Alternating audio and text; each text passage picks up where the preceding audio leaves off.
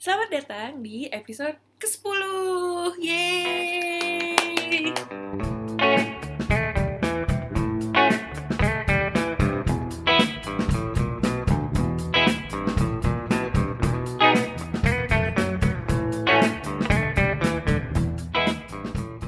Di episode kali ini bakal ada satu partner ngobrol utama yaitu Mbak Melati lagi dan ada partner figuran ada Mbak Mawar lagi di sini. Di episode kali ini kita akan membahas tentang nikah muda.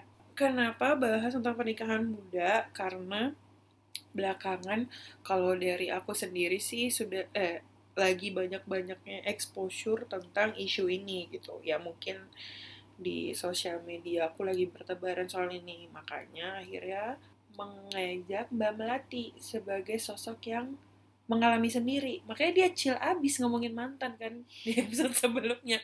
Karena dia udah nggak mungkin balik kan sama mantannya. Dia ngomong acceptance tuh gampang banget, gampang. Dia, dia udah punya yang baru dan insya Allah kekal samanya. Amin loh. Amin. Background dulu, menikahnya eh, sudah berapa lama? Sudah lima tahun berapa bulan ya? Lima tahun lebih lah. Jalan 6 tahun. Jalan enam tahun. Sekarang usianya berapa? 25 Berarti waktu itu menikah usia berapa? Umur 20 20. Cukup muda bukan? Eh, berarti itu waktu itu masih kuliah. kuliah semester eh, tingkat 2 mau naik tingkat 3 nikahnya. Nikahnya. Nikahnya punya anaknya tingkat 3. naik tingkat Guys, empat. dia udah punya anak. Udah, satu. satu. Itu kan lagi padat-padatnya ya. Iya Mbak, ini sih. jurusan apa ya? psikologi. Nah, sama, psikologi pula. sama lah kayak Anda gitu. Ya, Nah. Anda paham kan? Kan lagi padat-padatnya. Terus kenapa waktu itu mau nikah? Selain karena ada pasangannya. Oh ya, selain karena jodohnya sudah hadir aja ya. Betul, ini saya sambil gatel nih. Kok jodoh saya belum hadir gitu maksudnya? Nggak usah dikit. Jadi apa alasannya? Alasannya jadi sebetulnya eh, dari background keluarga dulu ya. Keluargaku tuh kebanyakan nikah muda. Em, mamaku nikah umur 19.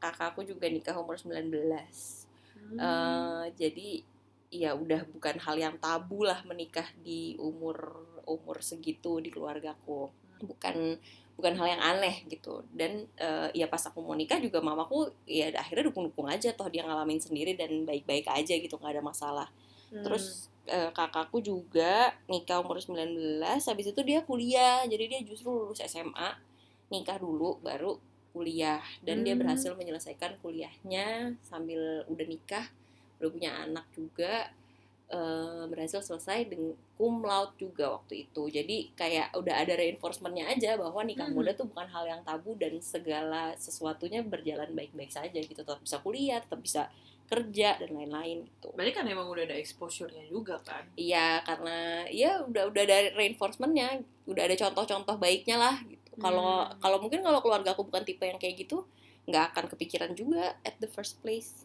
Hmm, gitu. Tuh. Soalnya kan sekarang tuh lagi karena jadi sorotan ya gerakan-gerakan eh, atau dorongan ya secara langsung atau nggak langsung yang mengajak muda-mudi untuk menikah muda, nggak usah pacaran lah gitu, langsung nikah aja, menghindari hal-hal tidak diinginkan, entah itu zina, entah itu fitnah atau yang lain gitu, atau justru pernyataan-pernyataan klasik kayak aduh capek nugas kuliah pengen nikah aja gitu. Mm-mm. maksudnya pandangan seperti itu memandang pernikahan sebagai sebuah solusi. Mm-mm. ya nggak sih? Kayak singkatnya Iya, bahwa iya. mereka punya problem nih maka solusinya adalah dengan menikah, Menikah. ya udah udah kayak iklan klinik.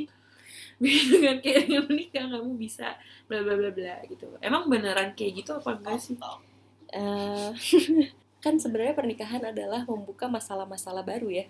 Masalah-masalah yang nggak pernah ada. Sebelumnya itu jadi ada di pernikahan. Nggak keba- nggak pernah kebayang deh sebelumnya sebelum nikah. Nggak pernah kebayang ada masalah akan ada masalah kayak gitu. Pas nikah tuh oh beneran ya. Contohnya Eh, contohnya ma- masalah yang paling klasik sih masalah keluarga sih. Kayak pastilah ada nggak cocok nggak cocoknya keluarga dua keluarga besar gitu. Apalagi dari suku yang berbeda mungkin atau mungkin ada yang nikah sama bule tuh kayak beda beda budaya. Hmm. pasti. Terus eh, namanya tinggal ini kalau aku ya aku yang biasa hidup sendiri. Maksudnya eh, dari SMA tuh ngekos. Terus kuliah juga setelah nikah mm, tinggalnya masih sendiri di LDR gitu. Aku tinggal sendiri nggak sama siapa sama cuma sama pem- pembantu orang tua di Jakarta suami juga di Jakarta. Terus begitu bersatu dalam satu rumah tuh ya ada aja ributnya ya kayak yang se- sepele laki naro anduk basah tuh di atas kasur tuh iya bener terjadi gitu. Bener. kayak ya kan dingin selimutnya gitu loh. Itu terjadi terus kayak eh, baju eh, abis eh, traveling terus kayak baju kotor nggak dikeluarin dari koper sebulan itu tuh ada terjadi begitu Nyata dibuka ya? nyata begitu dibuka kayak udah baunya udah gak jelas itu iya terjadi kan koper mau gue pakai lagi nih kok bau itu Iya. tuh ada terus em, cewek PMS di harus dihadapi laki-laki jadi masalahnya nggak bukan dari perempuan doang ya dari lakinya juga ngadepin cewek PMS tiap bulan kan gedek ya. Kayak suami pulang kerja pulang-pulang istrinya malah PMS itu nyata juga terjadi. Capek kan itu sebenarnya. Capek capek. Apalagi buat introvert introvert mungkinnya yang nggak biasa ngurusin orang saya nggak biasa ada temen di sekitar di kamar kayak pengen banyak me time tuh susah. Kalau itu kan nggak enak nggak enak ya. Kalau enaknya apa? Enaknya banyak sih. Enak lah. Enaknya eh, jadi punya temen atau sosok sahabat yang bisa dicurhatin apa aja. Terus capek juga nggak dia? Jangan-jangan iya denger mungkin bisa jadi bisa itu. jadi. Tapi kan saya juga dengerin curhatan dia. Oh, sama iya, ah saling timbal balik kok kalau ini. Nggak satu pihak. Nggak. Karena sudah sama istri ya. Iya. Gitu. Jadi eh, bisa diskusi apa aja. Ya tergantung orangnya sih. Sebenarnya tergantung pasangannya ya. Cuman kalau aku eh, kebetulan alhamdulillah dapat pasangan yang bisa dicurhatin apa aja diceritain apa aja dan bisa ngasih saran eh, sebebas-bebasnya. Kalau misalnya nih curhat ke orang tua terus dikasih saran sama orang tua mungkin ada generation gap. Terus jadi mikir kayak apaan sih? Emak gue so tau banget. Karena ya eranya dia begitu eranya kita beda sekarang. Tapi kalau se- suami-suami yang seumur gitu misalnya kan eranya sama eh, tantangan yang dihadapin sama jadi dia bisa ngasih saran-saran yang eh, sesuai lah gitu. Terus kalau sama temen nih misalnya tem sama sahabat sedekat apa pun sahabat pasti ada sungkannya kalau mau ngasih kritik. Kalau suami kan kayak ya udah dikritik aja karena dia juga udah tahu kita banget kita udah tahu dia banget. Jadinya pas dia ngasih kritik walaupun mungkin agak keras tapi dia tahulah cara ngasih tahu hal itu ke kita tuh gimana. Kita juga walaupun dianya keras mungkin kita akhirnya kayak oh iya maksudnya dia tuh ini emang gayanya ngomong gaya ngomongnya dia aja gini. Jadi lebih lebih da- dapet gitu kalau kritik-kritik dan masukannya tuh lebih nah masuk ke otak. Terus ya itu bisa diskusi apa aja dari soal kuliah. Walaupun beda beda dunia kerja beda industri tapi ya udah kalau mau curhat mah curhat aja. Ada tong sampah lah. Iya punya partner dalam segala hal. Tunggu, berarti ini berangkat nikah muda tapi sempet pacaran dulu nggak? Sama suami? Eh, sempat Suami. sempat sempat Eh, ya tapi dari awal dia nembaknya tuh udah ngajak nikah bukan mau nggak jadi pacarku tapi kayak eh gue mau serius mau nggak kalau eh, misalnya tahun depan atau dua tahun lagi kita nikah gitu udah dia ya. nikah muda juga. Eh, siapa suami Heeh. umur dua dua dua tiga dua tiga. Lumayan lah berarti kan untuk ukuran cowok lelaki. iya umur dua tiga nikahnya Berarti emang ini kalian ya kebe- kebetulan ya memang dijodohkan oleh memang Tuhan yang maha kuasa. Mm-mm. bahwa ini ada dua orang yang ya udahlah sekarang aja gitu. iya. Kayak daripada toh waktu itu udah udah ah, udah co- cocok udah sevisi udah satu apa ya satu pemikiran lah. Terus ah, ya ngapain pacaran toh kalau udah kalau udah siap juga. Dan lagi-lagi backgroundnya dia juga udah punya penghasilan yang dia rasa cukup untuk eh apa ya me- untuk membina rumah tangga terus kita sama-sama punya udah punya visi yang sama punya purpose yang sama terus yang ngapain pacaran kalau udah kayak gitu kan ya udah nikah aja Ini penting sih, ini harus digarisbawahi. Mereka tuh menikah muda guys, karena mereka siap gitu. iya Iya kan? Iya. Siap secara mental, pertama. finansial. Finansial kedua gitu. Jadi kayak nggak ujuk-ujuk hmm nikah muda nggak mau pacaran nikah aja Iya. ah gitu. Terus udah tapi masih nikah. dibayarin orang tua ya enggak juga iya ya benar. malu. Atau atau ada juga yang punya pemikiran ya ya aku sih nggak bisa menyalahkan atau nggak membenarkan juga bahwa kalau misalnya sudah ada niat baik akan ada jalannya. Iya itu mungkin. Tapi tetap harus dipersiapkan. That's it. banyak kata-kata. Mutiara ya Iya, kali mm-mm. ini. Saya tuh mencari sisi lain, kayak mencari sisi lain gitu. Maksudnya emang bener gitu kan? Karena aku nggak tahu ya, karena tuh suka miskonsepsi gitu loh bahwa kalau emang udah maksudnya ya ngapain sih harus di dragging out terus gitu kan? Ya Mm-mm. udah nggak kalau kalau bisa nikah nikah aja, tapi banyak aspek yang tidak dipersiapkan gitu. iya hanya untuk mengacu pada yang tadi ya udah kalau dia asal niat ada niat baik nanti rezeki juga datangnya sendiri terus ada jalannya. Aku percaya sih yang maha kuasa juga pasti nyiapin iya kan. iya. Tapi tapi tetap harus dipersiapkan. Paling enggak ya kalau misalnya ada yang belum siap yang disiapin pertama ya udah mental aja dulu deh. Hmm, mentalnya harus itu siap. paling basic ya? Iya tapi ya sebaiknya sih dipersiapkan matang-matang ya sebelum menikah. Tuh jadi konsepnya sebetulnya bukan nikah muda tapi nikah siap.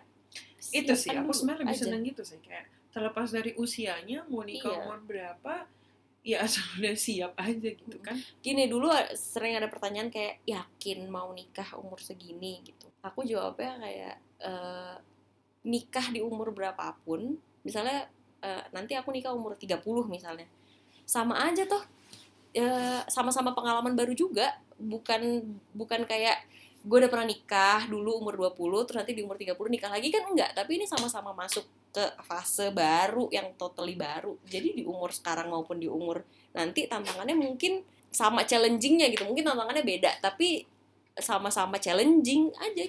Jadi mau nikah umur berapapun kalau udah siap ya nikahlah kalau belum siap mau umur 40 belum siap ya udah nggak jangan nikah. Nah umur orang eh, kesiapan orang itu yang beda-beda kan? Misalnya nikah muda jadi kan punya tanggung jawab baru kan. Maksudnya Mm-mm. punya komitmen. Terus kan tapi kan umur segitu kan masih muda yang di mana eh, umur-umur produktif untuk mengeksplor hobi minat bakat. Nah itu Hmm. ini pertanyaan saya selanjutnya sebenarnya berkaitan. Jadi pengorbanan pengorbanannya gimana nah. di usia-usia yang lagi Labil-labil, cemerlang ke iya, dunia. Iya, iya, mungkin yang nanya itu kayak gitu yang lagi bersemangat bersemangatnya gitu ya. Iya, iya, yakin kan masih misalnya misal, misalnya nih ekstrim minatnya kayak suka traveling kalau misalnya nikah kan jadi kan ya travelnya kan ya jauh dan lama. Perubahan-perubahannya itu loh. Iya itu pengorbanannya satu. Pengor yang harus dikorbankan akhirnya ambisi. Bukan dikorbankan tapi akhirnya disesuaikan dikompromikan. Misalnya kayak suka traveling. Ya kalau masih ini ini lebih kepada kalau udah punya anak sih. Kalau belum punya anak jadinya kayak pacaran aja. Kayak mau traveling ya udah traveling berdua gitu kan malah lucu traveling berdua. Kalau ada duitnya ya? terus iya kalau ada duitnya sih. Ya kalau suka traveling ya udah traveling bareng.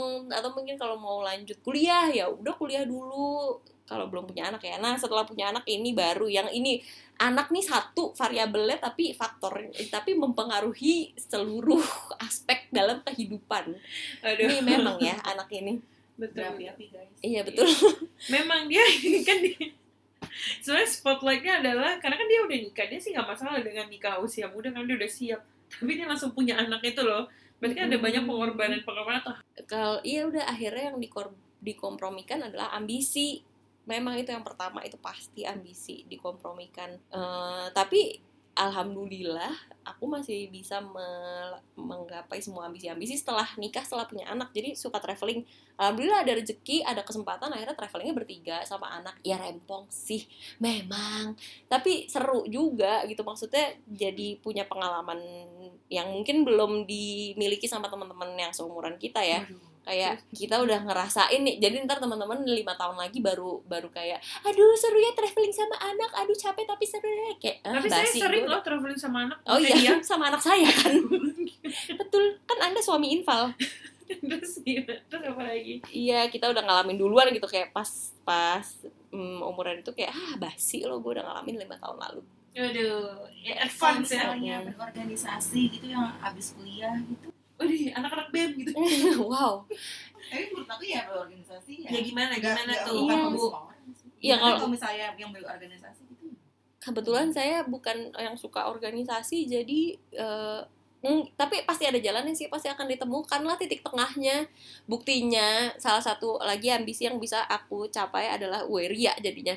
Bisa S2 di luar negeri itu kayak udah biasanya kalau udah nikah udah punya anak udah tetot banget kan kuliah di luar Hmm. negeri kayak tetot udah nggak mungkin apalagi cewek. Kalau cowok mungkin masih bisa ya. Iya. kalau cewek kayak udah udahlah lupain aja kubur dalam-dalam gitu. Oh, tapi eh ya nih posisinya cewek udah punya nih udah nikah udah punya anak terus mau S2 ke luar negeri mikir apa gitu kan. Kecuali kalau lagi hamil mungkin bisa.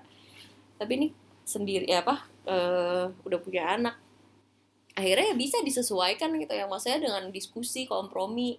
Teknisnya tuh akan nemu sendiri akhirnya kalau sama-sama kalau si suami dan si istri sama-sama legowo kayak sama-sama ngalah. Akhirnya ketemu kok jalan tengahnya. Mungkin untuk yang berorganisasi gitu juga ya didiskusikan dicari jalan tengahnya atau mungkin ditunda nunggu anaknya agak gede agak bisa ditinggal gitu. Berarti di sini peran pasangan tuh gede banget dong. Ya memang harus harus jadi tim emang harus harus sejalan. Makanya di awal tuh visinya harus sama. Harus ditanya harus didiskusiin bener-bener. Dipastiin bahwa kita sejalan kita satu pandangan. Satu kalau kalau di Islam bilangnya sekufu. Sekufu itu apa ya? Kayak setara dari sisi pola pikir dari sisi agama. Jangan sampai kayak satu hafalan hafalannya jus 30 jus yang satu sholat aja enggak. Ya itu nggak mungkin tidak mungkin terjadi kesepakatan. Terus kayak jangan yang satu eh, mengedepankan akademis yang satu eh, maunya rumahan ya susah. Harus setara dari segi pola pikir dari segi finansial juga mungkin dari segi keyakinan agama itu Eh harus waktu itu setara. kamu sama pasangan bener-bener ngomongin itu. Hmm, jujur enggak. Terus kayak tapi kayak ini Tapi- plot twist loh ini. justru nggak gini. Aku belajar dari eh, pengalaman sendiri dan pengalaman orang lain. Hmm. aku tuh setelah nikah ini ini makanya pelajaran buat teman-teman yang belum menikah. Sebelum menikah disamakan bener-bener pandangannya karena ternyata penting. Gitu. Alhamdulillah aku sih nggak terjadi apa-apa ya. Maksudnya alhamdulillah ternyata setelah dijalanin beberapa tahun tuh oh ya ampun kita cocok ya. Ternyata alhamdulillah ya. Tahu gitu. harusnya dari dulu kita ngomongin gitu. Tapi ternyata tidak ya udah kayak situasi orang kan beda-beda. Terus kayak kamu misalnya kan eh, rezekinya bagus dong buat kayak sekolah di luar ngerti gak sih? Pang mobilitas juga gara-gara profesi. Maksudnya jadi kayak di situ memang pas Iya. banget. faktornya mendukung gitu. Iya. Alhamdulillah. Kalau enggak kan gimana gitu. kalau enggak ya akhirnya dikompromikan kalau misalnya aku nggak punya suami yang eh, Men- mendukung, mendukung untuk dari berbagai macam sumber daya nih. dari berbagai macam sumber daya Mungkin- mungkin aku nggak satu mungkin nggak akan kepikiran sekolah di luar mungkin ya paling di luar kota atau ya di yang deket-deket aja. Tapi yang jelas ide pertama adalah dia dukung aku untuk lanjut sekolah bukan tipe suami yang akan kayak udahlah di rumah aja ngapain sih toh? Kamu Hmm. juga akan di rumah gitu. Paling nggak pola pikirnya sama dulu teknisnya tuh belakangan. Karena kalau pola pikirnya udah sama udah setara tuh akan kompromi itu akan lebih gampang gitu loh. Kayak ya nggak bisa kuliah di luar negeri ya udah deh kuliah. Yang ya udah kuliah. Toh sama-sama gelarnya sama misalnya terus kualitasnya juga nggak kalah. Tuh akhirnya bisa dikompromikan. Yang penting itu ide awalnya adalah oke aku nggak akan menghalangi kamu untuk menggapai cita-cita setinggi apa pun. Mau kuliah silakan mau kerja silakan. Yang penting nggak nggak mengganggu rumah tangga. Tuh Berarti Itu. emang kayak tujuan dasarnya dulu pertama yang harus disepakatin. iya iya apa ya pola pikir pola hidup juga kali kayak gitu harus ditanya. Jadi kayak sebelum nikah kamu maunya punya istri yang di rumah aja. Kalau aku mau lanjut S2 gimana? Kalau aku mau kerja gimana? Kalau aku mau ngejar karir gimana? Ya udah kalau jawabannya dia sudah memuaskan dan ah, bisa di bisa kita bisa nerima jawabannya ya udah. Mungkin mungkin dia kayak misalnya nih aku mau kuliah di luar negeri.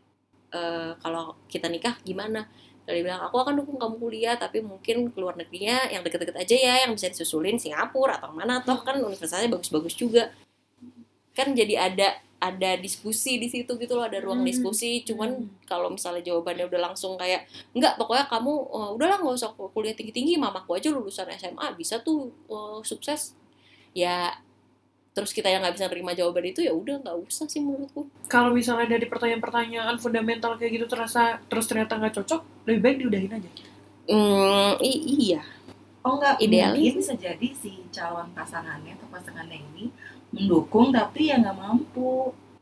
ya kan bisa cari Tapi kan dia udah sepakat beasiswa dulu yang penting. iya yang penting udah sepakat Ya, dulu maksudnya boleh sekolah tapi mungkin sekarang kayak um, income-nya cukupnya untuk tangga diundur aja bisa nggak? Nah, tapi kalau kayak gitu berarti bisa dipertimbangkan dong. bisa kan bisa diundur kayak ya udah atau diusahain ya udah nanti pelatihan cari beasiswa atau eh, iya cari negara yang living costnya lebih murah kayak gitu Tapi kan bisa yang, yang didiskusikan membuat membuat yang penting dia rela dulu nah ya berarti kan yang harus dipikirkan ulang itu kalau dia menutup jalan kan. iya iya kalau menutup sama sekali ya suamiku juga sebenarnya kayak ya nggak apa-apa S2 tapi ya udah maksudnya nyuruh nyuruh aku berusaha sendiri gitu loh kayak ya udah kalau memang keterima kalau ada jalannya kalau uang kalau uangnya cukup ya berangkat kalau uangnya nggak cukup ya sorry gue nggak bisa provide Tapi yang penting dia udah ngasih tahu. iya dia ya gue nggak bisa provide ya udah cari sendiri kalau misalnya gitu. iya kan. kalau misalnya nemu sponsor ya silakan kalau enggak ya sorry ya gue nggak bisa provide banyak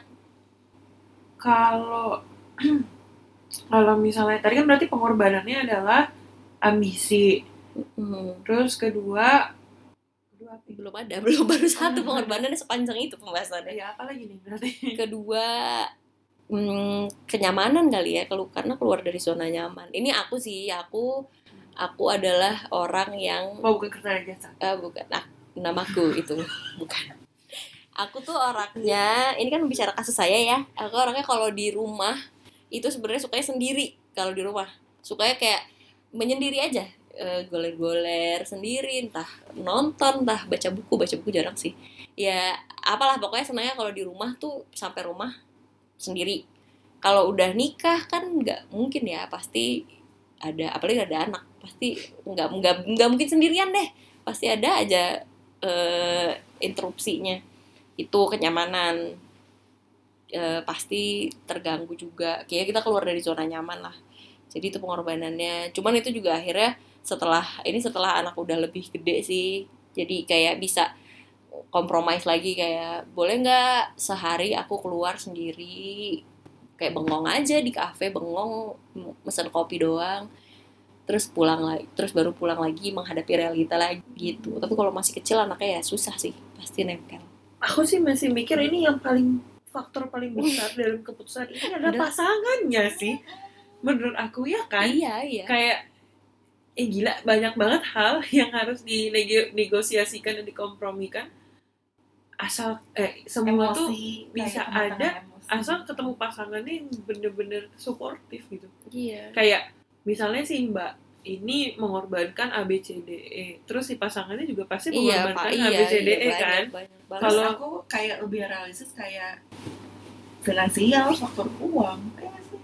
tapi itu di luar kendali kita sih maksudku kayak eh, pengalamannya juga pasti beda lagi kan dia alhamdulillah diberi diberi rezeki yang baik gitu kan maksudnya dalam banyak hal ya rezeki nggak cuma termasuk pasangannya dia adalah rezeki yang baik dalam hidupnya alhamdulillah gitu kan tapi basic eh, apa namanya eh, hal paling basic yang harus penuhi itu harus saling suportif Mm-mm. Kalau misalnya harus sama-sama pasangannya berkorban kalau misalnya pasangannya fair terus dia disclose bahwa dari segi finansial dia bisa cuma sekian misalnya dia mau nikah muda nih ya uh, Hmm. nikah yang dia siap di usia muda gitu Mm-mm. terus pasangannya bilang disclose aku cuma bisa segini gitu menghidupi kita pas-pasan yang lain kamu bisa negosiasikan nggak mimpi-mimpi kamu dan segala untuk sementara kita bangun dari sini kalau misalnya Hmm. dua-duanya oke dengan basic reason itu berarti bisa-bisa aja kan? Mm, atau kan bisa ya ngejar beasiswa juga memungkinkan banget kan. Misalnya nih untuk kasusnya untuk kuliah yang ngejar beasiswa kan bisa banget bangun Kayak, rumah lah gitu juga ya misalnya. bangun rumah atau eh apa ya ya suka traveling misalnya. Terus si calon suami kayak ya penghasilan kita cuma segini boleh nggak? Nggak traveling dulu setahun dua tahun kita harus menuhin ini ini ini ini tuh ya yang jelas harus terbuka dari awal sih. Sampaikan semua ekspektasi semua ini semua harapan semua ketakutan tuh sampein di sebelum nikah dan dengerin jawaban-jawabannya. Intinya eh, intinya adalah tipsnya jangan membawa PR ke pernikahan. Kalau ada hal-hal yang di pembicaraan itu nggak cocok nggak us nggak us jangan berharap suatu saat akan cocok. Itu nggak mungkin susah susah banget apalagi untuk hal-hal yang mendasar ya kayak si cewek mau ngejar karir si cowok maunya istrinya di rumah aja itu udah Iya, susah deh terus udah susah. jangan jangan mikirin undangan udah kesebar jangan undangan udah kesebar orang-orang paling ngomonginnya sebulan dua bulan ntar dua bulan ada kasus baru lagi si A misalnya hamil di luar nikah ya akan ngomongin si A mulu lupa sama kasus kita. Tapi kalau akhirnya kita maksain nikah ya udah seumur hidup bingungnya. Terus nanti kalau pernikahan kita gagal cerai ya sama aja diomongin juga.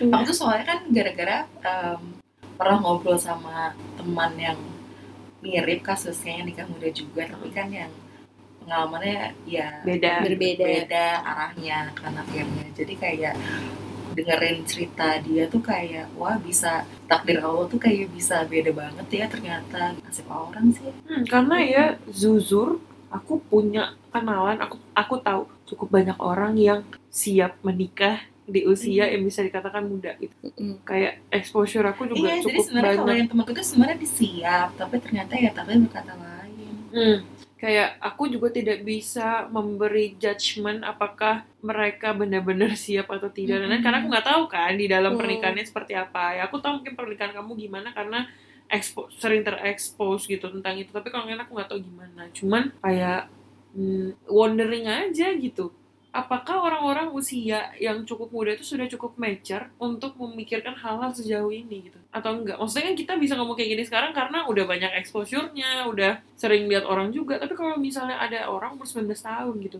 Mm-mm. 19 sampai 20 Iya, jadi kayak ada case lain yang bilangnya siap siap siap, eh taunya habis nikah baru Iya, itu. deh. itu itu Jadi tuh itu. aku tuh kayak membalance itu dari dengar gara-gara dengar karena ada orang yang beda gitu terbalik gitu kayak Heeh, heeh. di awal tuh bilangnya siap nih 100% ya. Pasti mereka nikah tuh gara-gara udah 100% kan. Ternyata habis nikah tuh plot twist. Ya intinya jangan bawa PR ke pernikahan. Oh iya benar. Oh berarti itu penting kan?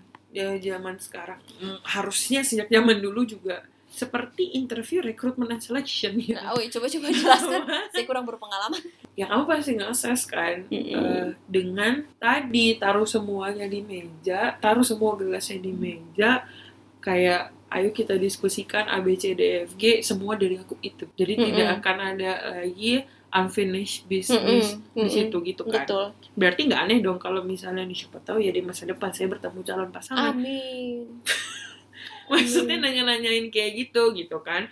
Harusnya itu hal yang lumrah kan untuk harusnya sebuah- ya kalau pernikahan. dulu dulu pas aku nikah mungkin itu belum nggak tahu ya aku belum mendapat tips ini makanya aku nggak melakukan ini sebenarnya Ehm, mungkin dulu masih lebih tabu kali nge- ngebahas hal-hal kayak gitu ke eh, calon pasangan Iya yang- kalau kayak hmm, sungkan. Iya, nah dulu mungkin lebih sungkan.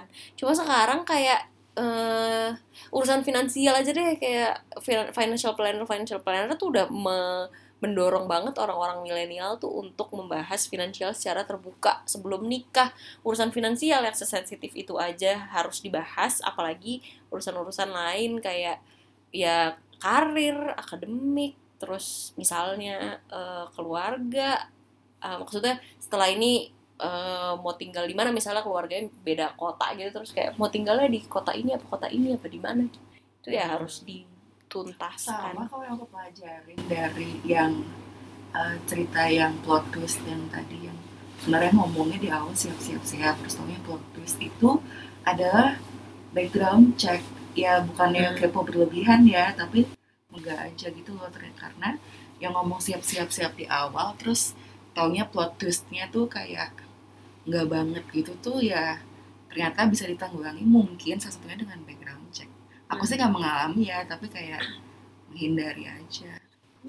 Ya itu mungkin tidak komprehensif gitu loh. Makanya preventifnya harus cari tahu secara komprehensif dan menyeluruh kan. Tanya sih sebenarnya sebelum nikah tuh kayak kayak tujuan kita nih nikah apa? Tujuan kita mau nikah nih apa? Tujuannya sudah sama apa belum? Dan iya Kalau tujuannya- sendiri, mungkin iya, kalau tujuannya sederhana gitu. Mm-mm. Karena mungkin kalau ditanya sama pasangannya kayak mungkin yang indah-indah gitu kan. Mm-mm. terus mungkin jago ngomong ya orangnya Banyak ya PR muda-mudi ini berarti jika ingin Enggak sih sebenarnya PR ngobrol aja melangkah ke jenjang lebih serius gitu. banyak kok selain siapkan finansial itu kan PR yang nggak selesai-selesai ya Makanya aku sesungguhnya ya salut loh sama orang yang bisa menikah, eh, siap menikah dalam usia yang cukup muda.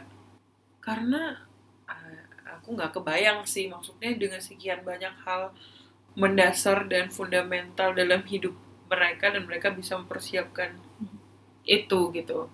Termasuk realistis ya realistis realistically speaking financially. Kayak ya mental tiap orang pasti maksudnya ada yang bener-bener ngerasa bener-bener siap tapi kalau faktor-faktor eksternal kayak gitu tidak mendukung kan pusing juga kan jadi Hmm. kalau selama apa namanya selama nikah muda tuh banyak yang ngomongin gak? maksudnya kamu nikah cepet kan terus banyak Mm-mm. yang ngomongin gak? iya kan sayang oh Ini. iya ada jadi ada ada dua ini adalah kejadian kisah nyata pada saat arisan eh, ibu-ibu arisan nenek-nenek Hmm. arisan mm, orang tua lah jadi ikut ke arisan orang tua terus bawa anak gitu umur 2 tahunan lebih gitu. Terus eh, tanya oh ini istrinya anak yang paling kecil ya? Nah iya eh umur berapa? Masih muda. Ah anaknya umur berapa nih? Eh, dua tahun. Ah berarti kamu punya anak umur 21 eh nggak terenggut masa muda kamu. Oh terenggut masa muda. Itu satu udah. Ha, iya. coba nanggepinnya gimana kan? Cuma bisa ha, iya tante ngambil makan dulu ya tante. Pindahlah ke tempat makan. Habis itu ada lagi tante tante eh ini iya, istrinya anaknya ini ya istrinya ah, ini. "Hmm, iya. Eh, eh udah gede anaknya. Eh, udah cepetan aja keburu kegedean nanti punya adiknya punya adik lagi jadi yang satu kayak eh nggak terenggut masa muda kamu yang satu kayak udah buruan buruan buruan mumpung masih Oposisi ya. muda gitu mumpung masih Oposisi. muda mumpung masih muda gitu aduh itu memang tidak ada habisnya kayak dengan satu muda tapi bisa bisa memancing Iya. eh, stimulus yang beda Iya, gitu. reaksinya beda. Jadi Hmm. ya udah itu emang hal-hal kayak gitu nggak ada habisnya. Ya sudah jalanin aja sesuai yang kita mau, sesuai yang kita suka. Kayak udahlah tutup telinga atas orang-orang itu. Toh dia nggak bayarin popok anak saya. Ini dari hati loh guys Kalau bisa direkam mukanya, mukanya sekalian betul direkam ya. jadi kesimpulannya adalah ini sebenarnya ada banyak banget yang harus disiapin kalau mau menikah jadi itu terlepas dari usia mau nikah muda mau nikah usia eh, sedang-sedang saja Sedang-sedang aja tuh gimana ya? Kayaknya Dua puluh. standar standar umur nikah tuh juga semakin bergeser nggak sih? Semakin iya kayak dulu kayaknya orang cewek nikah umur 30 tuh ih udah tua banget perawan tua. Sekarang kayak cewek nikah umur 32 belum nikah tuh kayak ya udah biasa aja gitu. Dia ni- bener-bener. ada cewek nikah umur 33 ya udah biasa. ini sebenarnya terlepas dari usianya tantangan dia akan serupa-serupa aja gitu. Dan cara mengatasinya cara preventifnya mencegahnya adalah sebenarnya mirip-mirip aja kan Hmm, intinya mungkin ya. banyak-banyakin ngobrol banyak-banyakin diskusi sama calon Iya, pasangan sa- ya background check background checknya Background check bisa dulu. ngobrol sama Iya. pasangan bisa ngobrol sama orang tuanya mungkin Mm-mm. sama keluarganya Mm-mm. tapi harus lebih banyak porsi ngobrol sama pasangannya apa sama, sama keluarganya waduh susah ya ya iya ya mana yang bisa memberikan informasi lebih banyak aja nggak maksudku aku sih bukan bukan bukan spotlight ke masalah porsi diskusinya tapi lebih kepada omongan yang harus ada pegang omongan pasangan atau omongan oh jawabannya. iya Bingung juga ya. ya. Itu nanti uh, ada feelingnya sendiri lah. Oke. Pasti pasti punya feeling mana yang lebih bisa dipegang omongannya. Hmm, ya gitu kan. Karena kan bisa slack juga kan. Bisa si anaknya bilang oke kita akan kompromi kamu boleh berkarir. Hmm. tiba-tiba yang di belakangnya kamu harus di rumah aja wow. Ya itu ya Itu pasangannya. lah kan anda nikah sama pasangan anda bukan sama ibunya sama orang tuanya atau sama siapalah di belakangnya tantenya apa neneknya. Keluar loh itu pernyataannya. Saya mau mancing implicit doang tadi kan Iya, atau mungkin gini, ngobrol dulu sama pasangan, kulik dalam-dalam dia gimana. Kalau masih nggak percaya, tanya ke orang terdekatnya kayak bener nggak sih dia nih orangnya, dia orangnya selama ini gimana? Bisa megang omongan apa enggak, omongannya bisa dipercaya apa enggak. aja guys. Sebenarnya kalau orang terdekat itu berarti cross check kan Iya, Ya, cross check. Ya nggak mungkin hal-hal teknis dibahas. Misalnya pasangan bilangnya, calon pasangan bilangnya, oke kamu boleh kerja, kamu boleh berkarir. Terus kita nanya ke siapanya, ke orang terdekatnya, orang tuanya atau ke kakaknya gitu. Eh dia ngebolehin gue kerja nggak sih? Ya nggak mungkin lah mereka bisa jawab kan bukan keputusannya bukan di tangan mereka. Iya, karena mereka nggak bakal ngasih jawaban, mereka cuma komentar doang dia. Iya, cuman mungkin bisa nanya kayak nih orang nih gimana sih track record megang omongannya, omongannya beneran bisa dipegang Nah, nggak? iya, Dia itu kan lebih komit ke atau enggak? Iya, dia beneran komit atau enggak? Dia eh, ngejanjiin ke gue hal seperti ini seperti ini, ngelihat karakternya dia selama ini memungkinkan enggak hal itu Iya, iya, gitu? Ya nggak mungkin nanyain hal-hal teknis lah. Ya pasti. Nggak mungkin kan nanya ke kakaknya, mungkin nggak sih dia beliin gue rumah tahun depan ya kakaknya aja nggak tahu gajinya dia berapa. Bener, Cuma bener. tanya aja dia gimana selama ini eh, track record nabungnya gimana, orangnya disiplin nggak nabungnya, konsumtif nggak, kan jadi bisa kelihatan dari situ. Benar benar benar. Terus uh, lagi kalau misalnya mau menikah lagi-lagi ya terlepas dari usia uh, pertimbangan berikutnya adalah kompromi kesediaan kita untuk merelakan sesuatu Mm. pengorbanan. Apa sih kalau dari kamu tuh ambisi ya? Pertama. Kedua adalah keluar dari zona nyaman. Iya. merelakan kenyamanan-kenyamanan yang biasanya ada gitu kan. Mm-mm.